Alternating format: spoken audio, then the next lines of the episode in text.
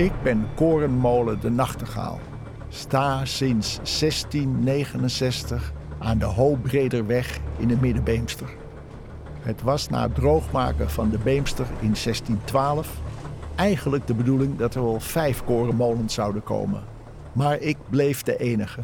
Blijkbaar groeide de bevolking nog niet zo hard. Het was voor de molenaars ook vaak een hard bestaan om rond te komen. Ook al waren de bewoners verplicht om hun koren bij mij te malen. De Beemster is de allereerste van de grote meren die wordt drooggemaakt. Een enorme klus. Maar onder leiding van de Amsterdamse koopman Dirk van Os lukt het. Hij heeft een hele handige opzichter in dienst, die daarbij ook nog eens molens kan bouwen. Jan Adriaanszoon. Jan is een duizendpoot. Hij is inventief, uitvinder. Hij is ontwerper van gebouwen en hij kan zichzelf goed verkopen.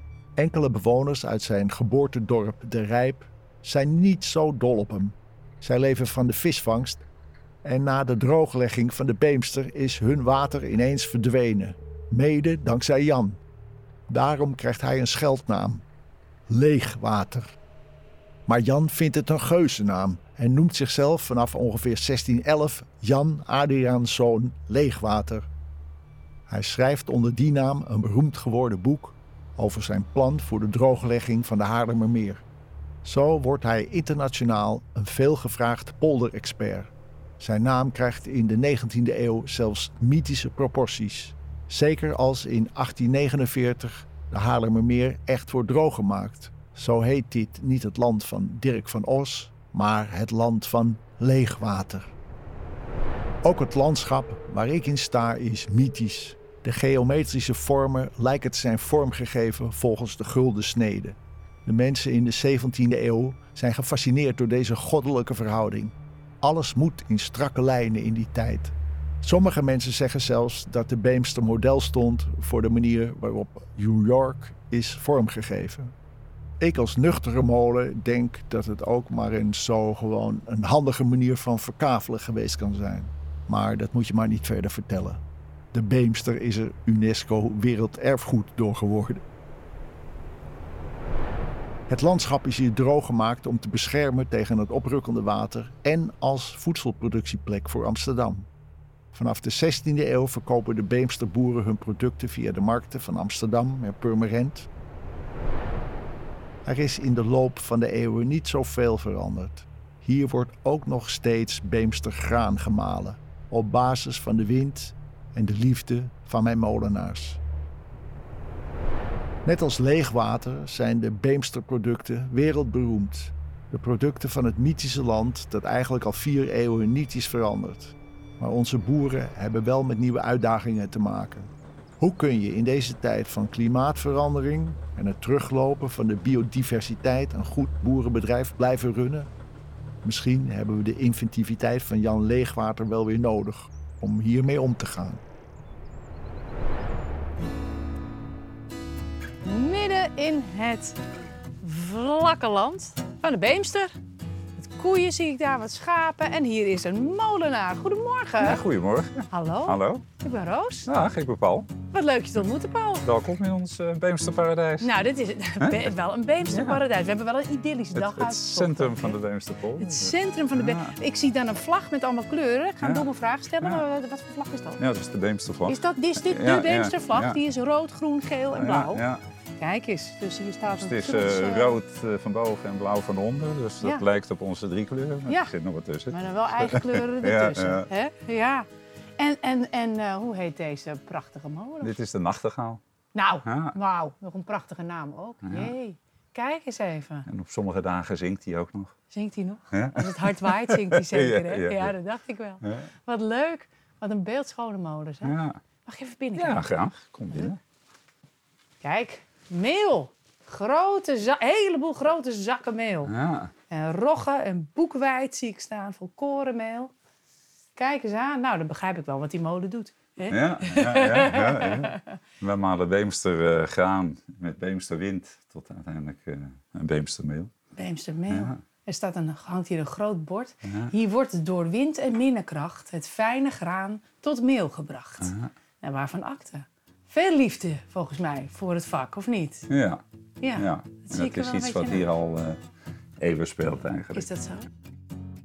Maar de molen is in eh, 2011 is hij ehm, eigenlijk gered van de ondergang. Op dat Oh. moment stond hij er heel slecht bij. Oh ja? Dus als je nu nog oude fotootjes ziet op internet en soms op Google kom je dingen tegen waar je helemaal niet op rekent. Ja. Dan zie je een, een, dramatisch geheel. Hoe komt dat? Eh, ja, nou ja, de, de toenmalige eigenaar had er niet zoveel belang bij. En eh, ja, langzamerhand stond zo'n ding aan te verkommeren. En Dat gaat Ja. hard eigenlijk. Want als hij stilstaat, Als hij dan gaat het stilstaat, mis, dan is het gauw gebeurd. Hè? Is het gauw die, die gebeurd. houtwurmpjes, die, Ja. eh, die eten hem op. Ja. En nu wij hem weer laten draaien, dan gaan die houtwurmen naar de buurman. Hè? Dat, eh, die beesten houden niet van beweging. Dus, eh, Fijn voor de buurman. Ja. Maar, maar hij is dus helemaal opgeknapt. En wie Ja, heeft dus besloten dat te doen? 2011 is hij, eh, zeg maar, van dat plekje waar hij stond, dus, is hij 50 meter opgeschoven. Dus Maar dat is nog een- helemaal niet zo lang geleden. Nee, nee. Nee. dus er is nieuwe fundering geplaatst hieronder. Er is een stichting opgericht die zich ontfermd heeft over de molen. Ik zie hier, ik kijk uit eigenlijk op een prachtig winkeltje. Een beetje Ja. een winkel van Sinkel, heel Ja, schattig. eh, eh, met met, met eh, pakkenmeel en, en een gewone weegschaal. Hè? ja. Maar wel een pinautomaat. Ja, je krijgt bij ons ook een handgeschreven bonnetje als je hem wil kopen. Kijk, dus, dat, nee, kijk, dat ik... Ja, ja. dus mensen moeten ook even het geduld hebben voordat wij het bonnetje uitgeschreven hebben. Dat gaat niet altijd zo snel. Nee, nee, nee, nee. Maar wel heel mooi. Ja. Ja, ja. We hebben wel duidelijk gezien dat er een opleving is. Ja. Er zijn meer mensen die zijn gaan bakken. Nou, Ja. Ik weet niet of jullie dat ook hebben, maar ja, er zijn gewoon Ja. meer mensen die thuis wat... eh, Ja, ja, ah, ja, er wordt wel meer geba- Ja, als je de hele dag thuis zit, dan denk je, ik bak eens wat. Ja. ja, ja.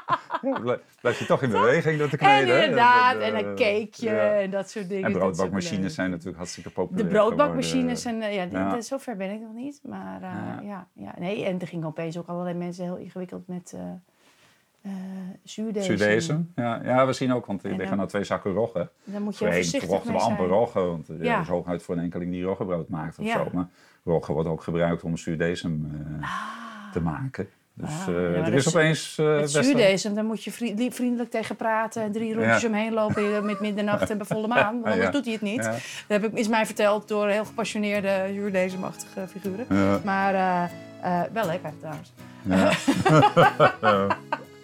Mooi hoor. Ja. Leuk. Ja, is er iemand in de buurt die me ook iets kan vertellen over, over, over het landschap en het boeren hier, zeg maar?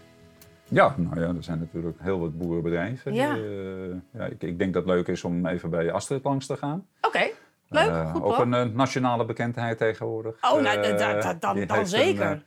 Een aardappelactie op gang gebracht die ze weergaan niet kent. Dus, oh, nou, nou, eh, daar, ben ik wel heel benieuwd dat naar. is wel leuk om, om bij haar te gaan kijken. En zij heeft een winkeltje daar ter plekke. Oh, leuk. Zoals er tegenwoordig veel van die lokale winkeltjes zijn. Ja, die zijn heen. En zijn ze verkooppunt ook van ons product. En Helder. dat, dat heeft meteen tot gevolg dat wij met regelmaat eerder uitverkocht zijn hier. En dus weer vaker moeten malen. Want, Ik hoor eh, het al. Ze ik, doet goede ik, eh, zaken. ik moet naar Astrid toe. Dat ja, ga ik doen. dat is leuk. Dankjewel. Ah, Oké. Zeg Astrid, jij schijnt een beetje een beroemde boerin te zijn. Ja, ze zeggen het. Hoe komt dat? Ja, ik, heb, eh, ik heb een keer vorig jaar iets brutaals gedaan en het is niet onopgewerkt gebleven.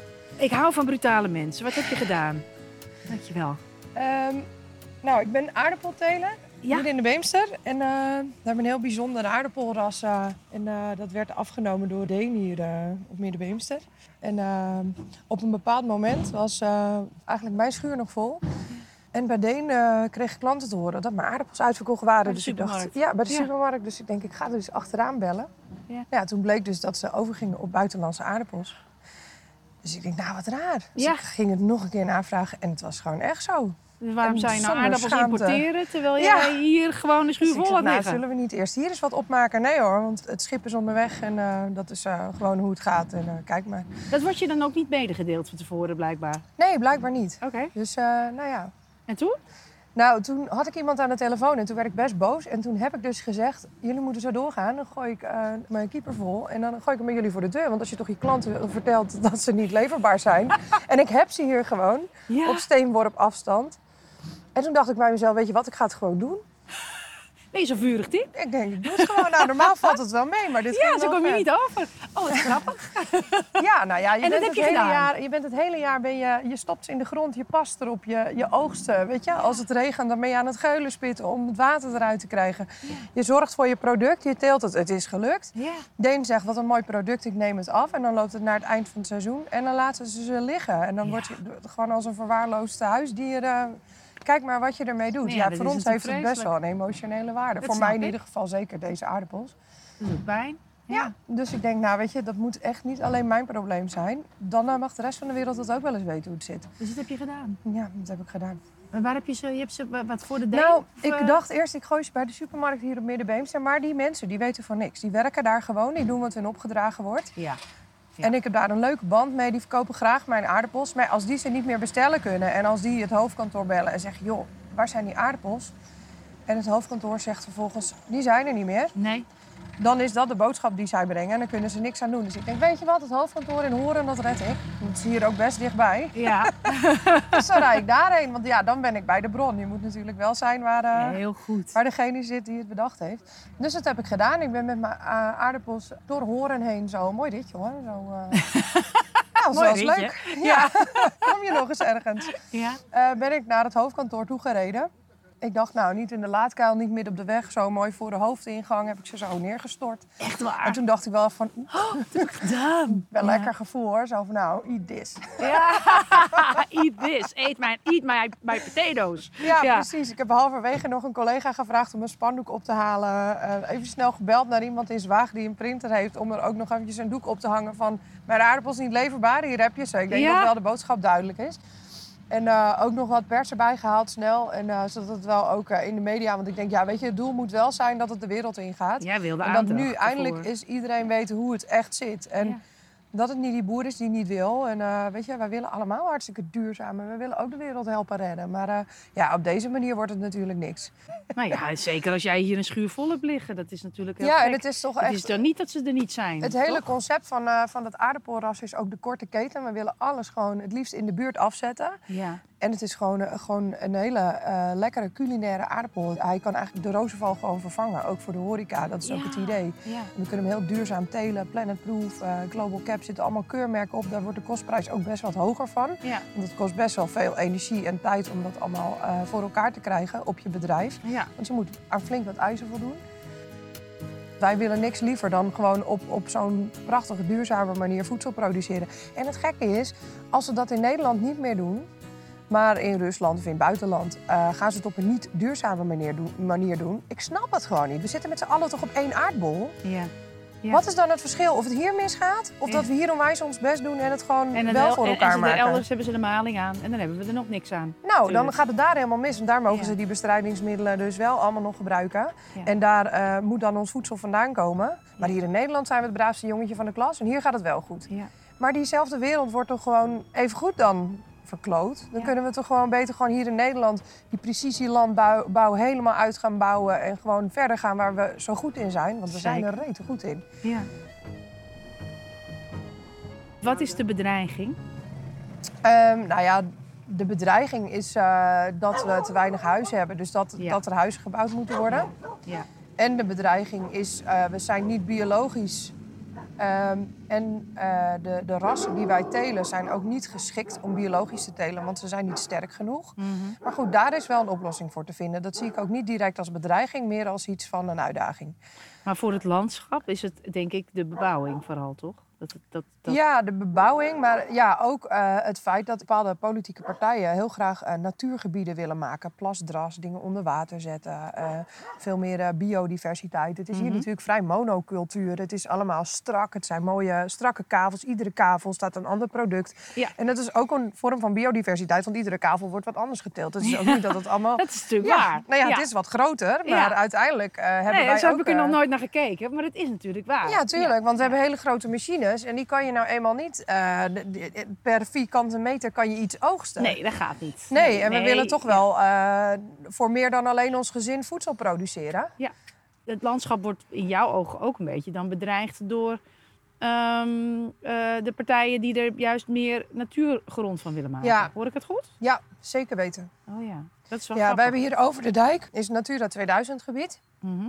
En verderop heb je ook een helemaal beschermd gebied. Dus ze hebben allemaal stempels en namen, maar er zitten bijvoorbeeld heel veel ganzen. Ja.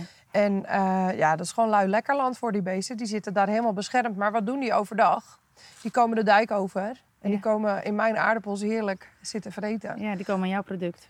en daar mogen wij eigenlijk niet zoveel aan doen, behalve ze wegjagen. Dus tegen de oogsttijd, als het dan heel hard geregend heeft... dan heb je wel eens dat die ruggetjes een beetje van, eh, van de aardappels afglijden. Ja. En dat, dat die glimmende aardappeltjes zo een beetje boven de grond Ja, uitpiepen. En die ja. ganzen die vliegen eroverheen, echt met duizenden Die tegelijk. hier in de denken, yummy. En die denken, oh, lekker. die duiken erin. Ja. En dan moet je echt op tijd zijn om ze weg te jagen. Anders is in één keer, dan ben je dus al een half jaar vanaf in de grond stoppen tot het bijna klaar is. Ja. Eh, dan duiken die ganzen erin. En als je er niet op tijd bij bent, nou, dan is het gewoon klaar. Dan is je oogst gewoon, neem van iedere aardappel een hapje. Nou, die kan ik niet meer voor jou in een zakje gooien. Nee. wil ben je helemaal meer. niet blij met die natuur. Nee, en dan vind ik, nou, die natuur is prima, maar eh, de balans is zoek.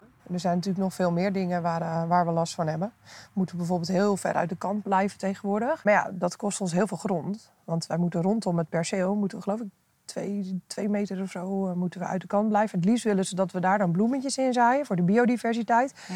En ik vind het een prachtige gedachte. Ja, ik eigenlijk ook wel, als ik Ja. eerlijk ben. Denk, nou, ja. Leuk. Ja, Nou, eh, het probleem is, die bloemetjes, eh, daar zitten heel veel luis in.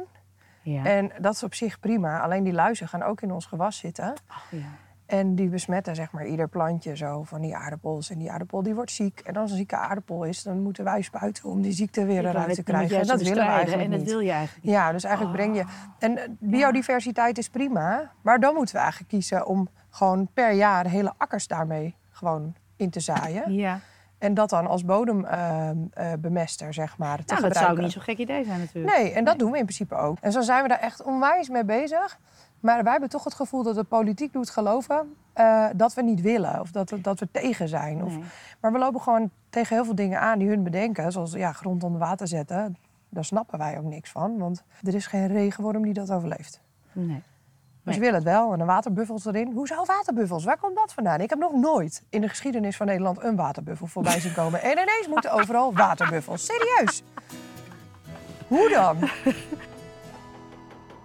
Misschien moeten we zelf wel een, een, een, een zaden- en een kruidenmengsel ontwikkelen. Ja, Waar dus die eh, zaden waar we last van hebben niet in zitten. ja. En op die manier dat ook gewoon beheren. En misschien moet het wel mee in ons bouwplan. En als de regering dan zegt van ik geef je subsidie daarvoor. Ja. Want op, op dat moment heb je dus aan je bouwland niks. Hè? Dan wordt er niks op geteeld, dus ook niks op verdiend. Hoe, hoe denk jij dat over 100 jaar dit landschap eruit ziet? Nou, ik hoop eigenlijk heel erg dat er niks veranderd is. Maar ja, weet je, ehm 100 jaar geleden was het ook zo. Ja. En 200 jaar geleden was het ook zo. Mhm. En 300 jaar geleden. dus ik denk dat buiten de Beemster dat er wel heel veel gaat veranderen. Maar ik hoop gewoon, en daar strijd ik ook wel voor... Dat deze polder wel gewoon de polder blijft wat hij is. We zijn tenslotte niet voor niks eh, ontstaan en gemaakt door meneer Leegwater... als de voedselkamer van Amsterdam. Ja. Want er mocht nooit meer honger komen na de oorlog. ja. Dus eh, daarom zijn dit soort plekken gemaakt om voedsel te creëren. Maar dan snap ik wel dat je knap pissig wordt als jij met je aardappelen hier zit. In die voedselkamer. Ja, En ze uiteindelijk voor een kantoor moet leegkieperen. Om te vertellen, hé, hey, ik heb ze wel. Eh, Waarom kan ik ze niet verkopen? ja. Ja. en ze hebben het uiteindelijk netjes opgelost. En ook wel natuurlijk eh, door wat eh, druk van de buitenwereld, omdat Ja. iedereen meekijkt. Ja. Maar het is jammer dat het dan nodig is. Ja, precies. Exact. Ja. Maar ik weet zeker dat er wel wat veranderd is. Ben je pessimistisch of optimistisch? Nee, ik ben hartstikke optimistisch. Ik geloof erin. Want als ik er niet in geloof, wie moet het dan doen? Ja, goed. Ja. Toch? Ja, dat is ook zo. Dus wat jou betreft, met jouw optimisme en strijdvaardigheid, want dat zie ik in je, Ik ga op de dijk staan met mijn hek. En, eh, eh, sta jij op die dijk en is over 100 jaar de Beemster nog gewoon zoals hij nu is. En Zoals zoals hij hij 100 hoort te jaar zijn. geleden was en Ja. 200 jaar geleden was. ja, want de Beemse hoort zo te zijn. Bij mij vooruit, ik houd wel koers. Ik stuur wel bij, ja ik stuur wel bij. Leid me naar dorpen, en steden. Blaas me over dijken heen. Waai me vooruit, waai mij vooruit. Toon mij vergezichten die ik nog niet ken. Ik houd wel koers, ja ik stuur wel bij. Waai mij vooruit.